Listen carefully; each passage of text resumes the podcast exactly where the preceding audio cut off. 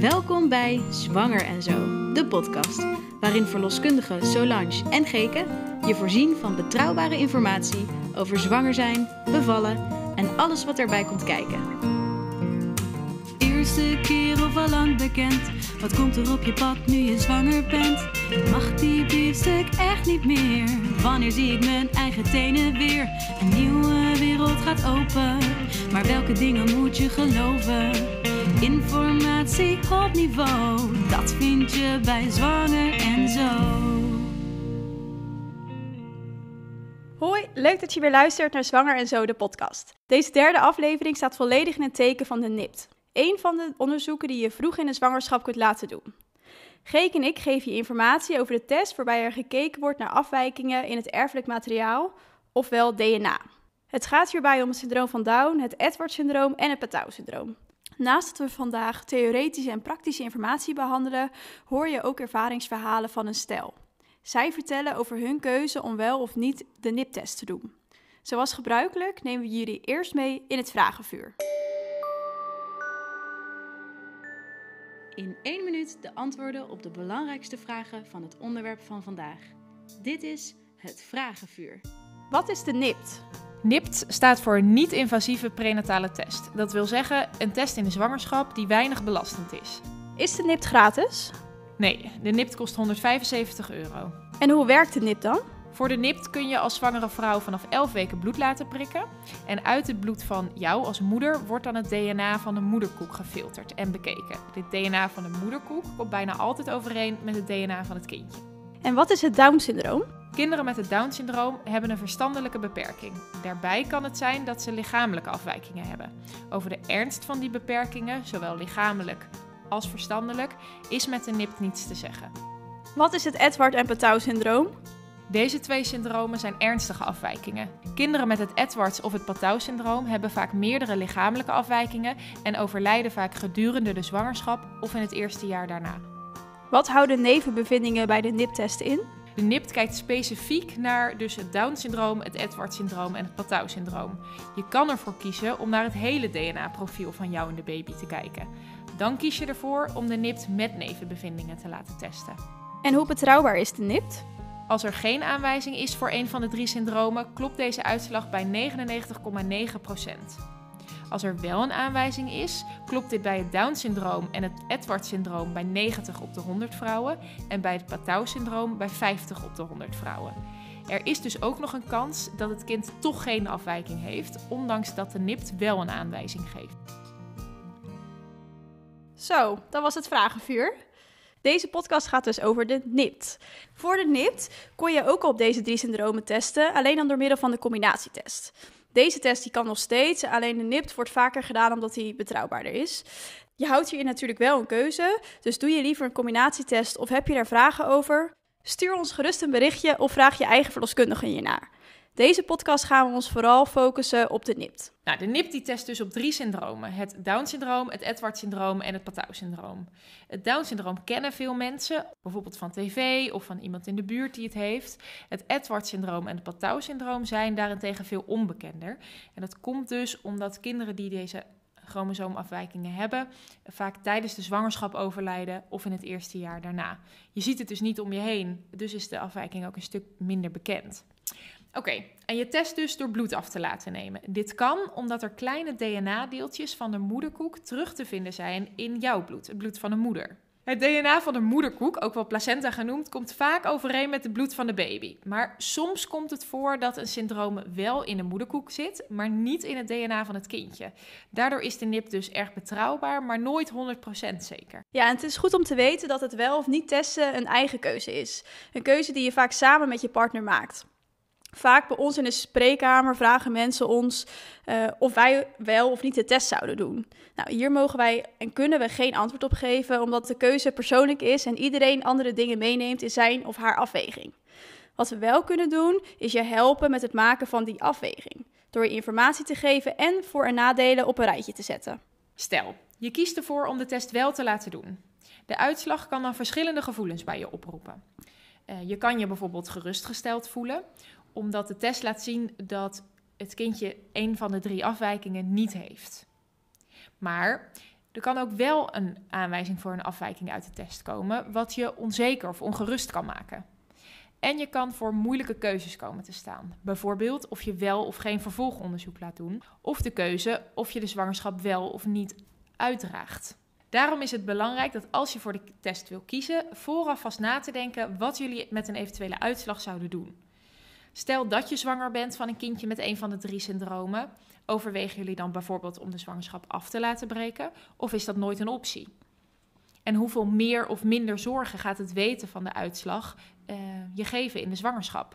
Stel je maakt de keuze om de nip te laten doen, dan heb je ook nog de keuze of je wel of geen nevenbevindingen wil weten. In het vragenvuur benoemden we al even kort die nevenbevindingen, maar wat houdt het nou precies in? Nou, je kan er dus voor kiezen om alleen te testen op de drie chromosoomafwijkingen, dus op het syndroom van Down, het Edward en Patau-syndroom. Maar je kunt er ook voor kiezen om alles te weten, waarbij ze eigenlijk heel het DNA bekijken. Dit heeft als voordeel dat je veel te weten kan komen, maar een nadeel is ook dat we bijna alle nevenbevindingen nog niet weten wat ze betekenen. En dat dit dus zorg op kan leveren zonder dat we weten wat we ermee kunnen doen. Nou, om te voorkomen dat deze podcast heel theoretisch wordt, hebben we ook Linda en Arno geïnterviewd. Zij vertellen ons over hun afwegingen om wel of niet de NIP te laten doen. Um, Linda, jij bent nu 20 weken zwanger van jullie eerste kindje.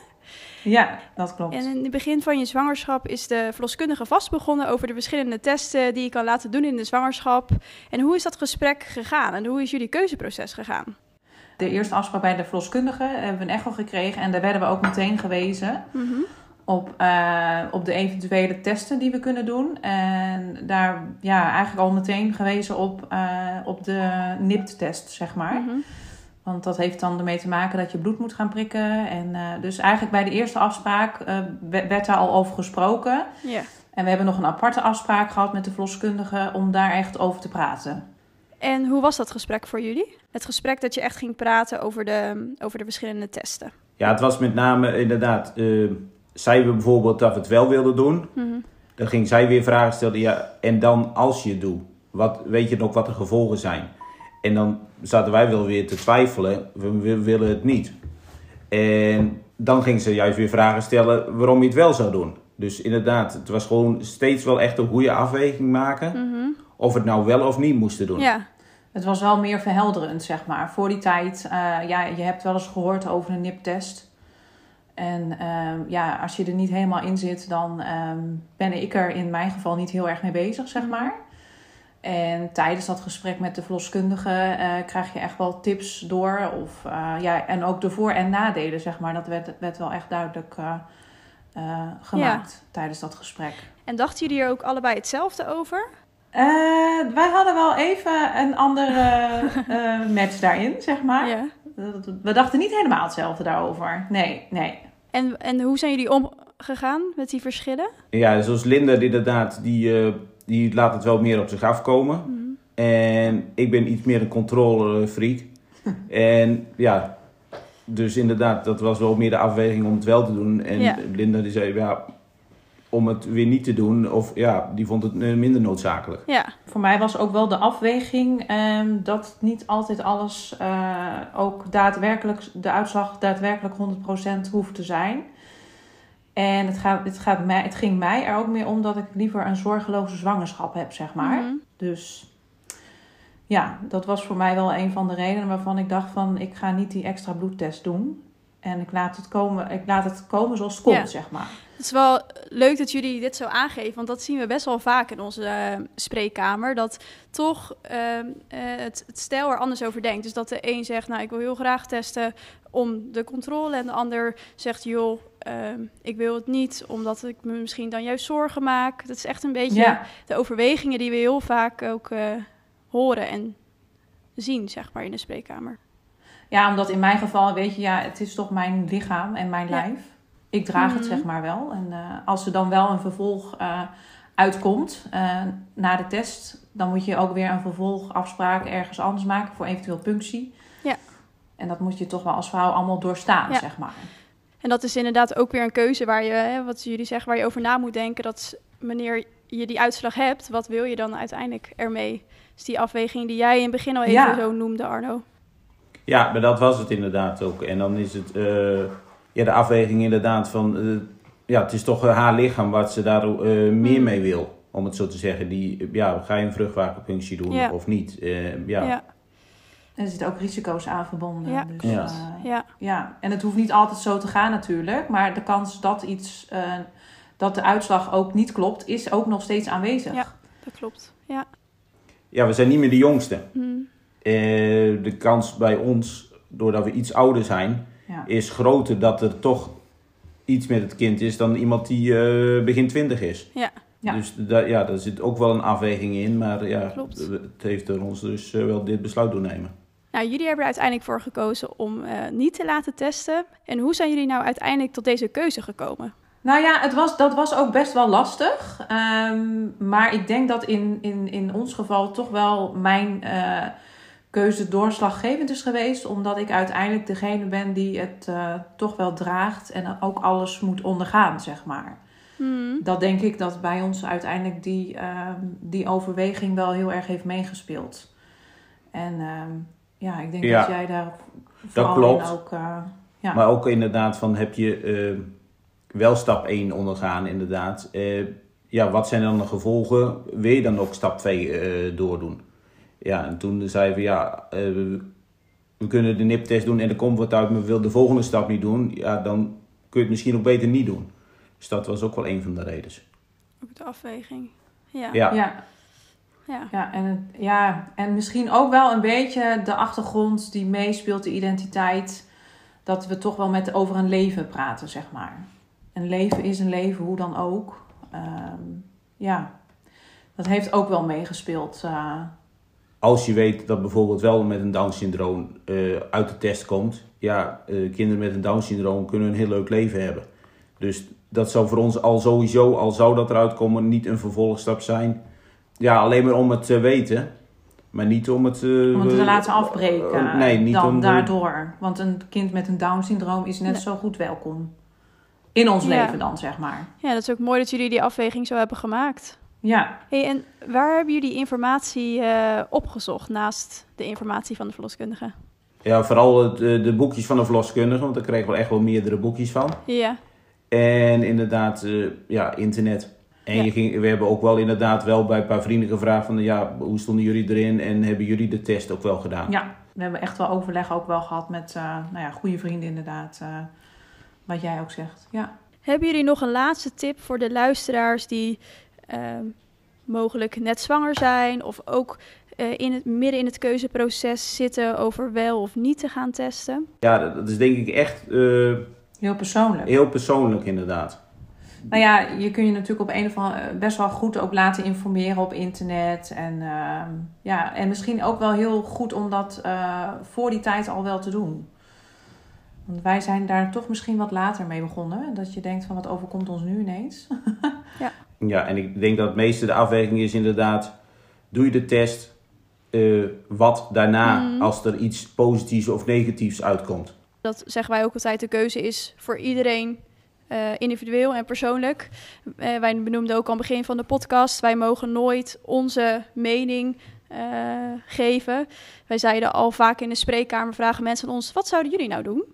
Ehm, ja, dat kunnen we gewoon niet zeggen. Wij moeten echt waardevrij ja, counselen, noemen we dat. Maar dat, dat eh, deed de verloskundige ook heel, heel erg goed om het zo te zeggen. Ja, Want dat vond een- ik echt heel goed. Ja, Ja, de ene keer dan zei ik, oh ja, ik wil het eigenlijk wel doen. En dan stelde zij weer de vraag, waarom wil je het dan niet? En Mhm. toen dacht ik ook, ja, waarom zou ik het eigenlijk wel doen? Ja, En dan stelde ze weer juist de andere kant de vraag. Ik denk van, ja, toen was ik wel eens wel van, geef alsjeblieft een beetje een handvat.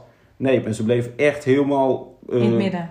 in het midden Ja. inderdaad. Dat het echt je eigen keuze was. ja, En ze gaf wel haar tips inderdaad, doe je het wel of doe je het niet. Maar ja, ze gaf niet eh, haar mening erover. Geen doorslaggevende factor Nee. geweest Nee. of zo.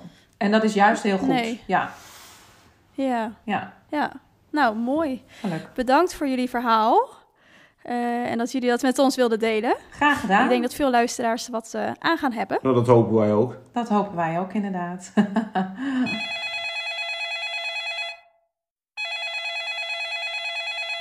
Hoi, met Geke, verloskundige. Hoi, ik ben Lisa. Ik ben op dit moment acht weken zwanger en ik vroeg me af wat er gebeurt als uit de niptest blijkt dat mijn kindje een van de afwijkingen heeft. Goeie vraag, ik vertel je daar graag meer over. Ehm, Het is niet een heel beknopt antwoord. Als uit de NIPT komt dat er een aanwijzing is voor een van de drie afwijkingen, kom je in aanmerking voor vervolgonderzoek. Je wordt dan doorgestuurd naar een gespecialiseerd ziekenhuis, bijvoorbeeld in Amsterdam, Rotterdam, Utrecht, Leiden, Groningen, Nijmegen, nou, noem maar op. Je krijgt daar dan een gesprek met een gynaecoloog of een perinatoloog over de verschillende opties. Je kan dan kiezen voor een vruchtwaterpunctie, een vlokkentest of ervoor kiezen om geen verder onderzoek te doen. Bij een vruchtwaterpunctie wordt er vruchtwater uit de baarmoeder weggezogen via de buik. Dit gebeurt met een naald. Met een echo wordt gekeken waar de naald geplaatst moet worden. Dit gebeurt vanaf of na 15 weken zwangerschap. Meestal is de uitslag er na uiterlijk drie weken. Een vruchtwaterpunctie geeft een klein risico op een miskraam. Dit gebeurt bij 1 op de 1000 puncties, dus 0,1% Het onderzoek kan met absolute zekerheid vaststellen of je kindje wel of niet de afwijking heeft. Een vlokkentest wordt vanaf 11 weken gedaan. Die uitslag is er meestal na twee weken, maar dat is een beetje afhankelijk van het type onderzoek.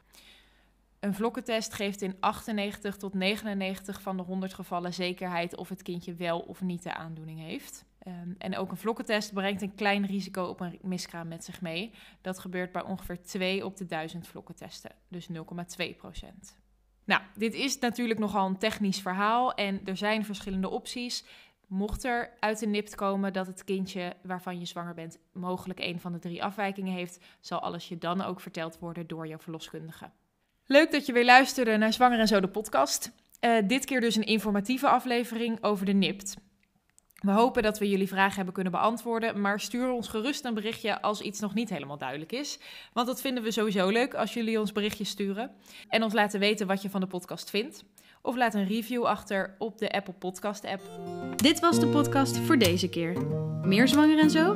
Je kunt ons volgen op Instagram, Facebook of onze website zwangerenzo, Tot de volgende keer.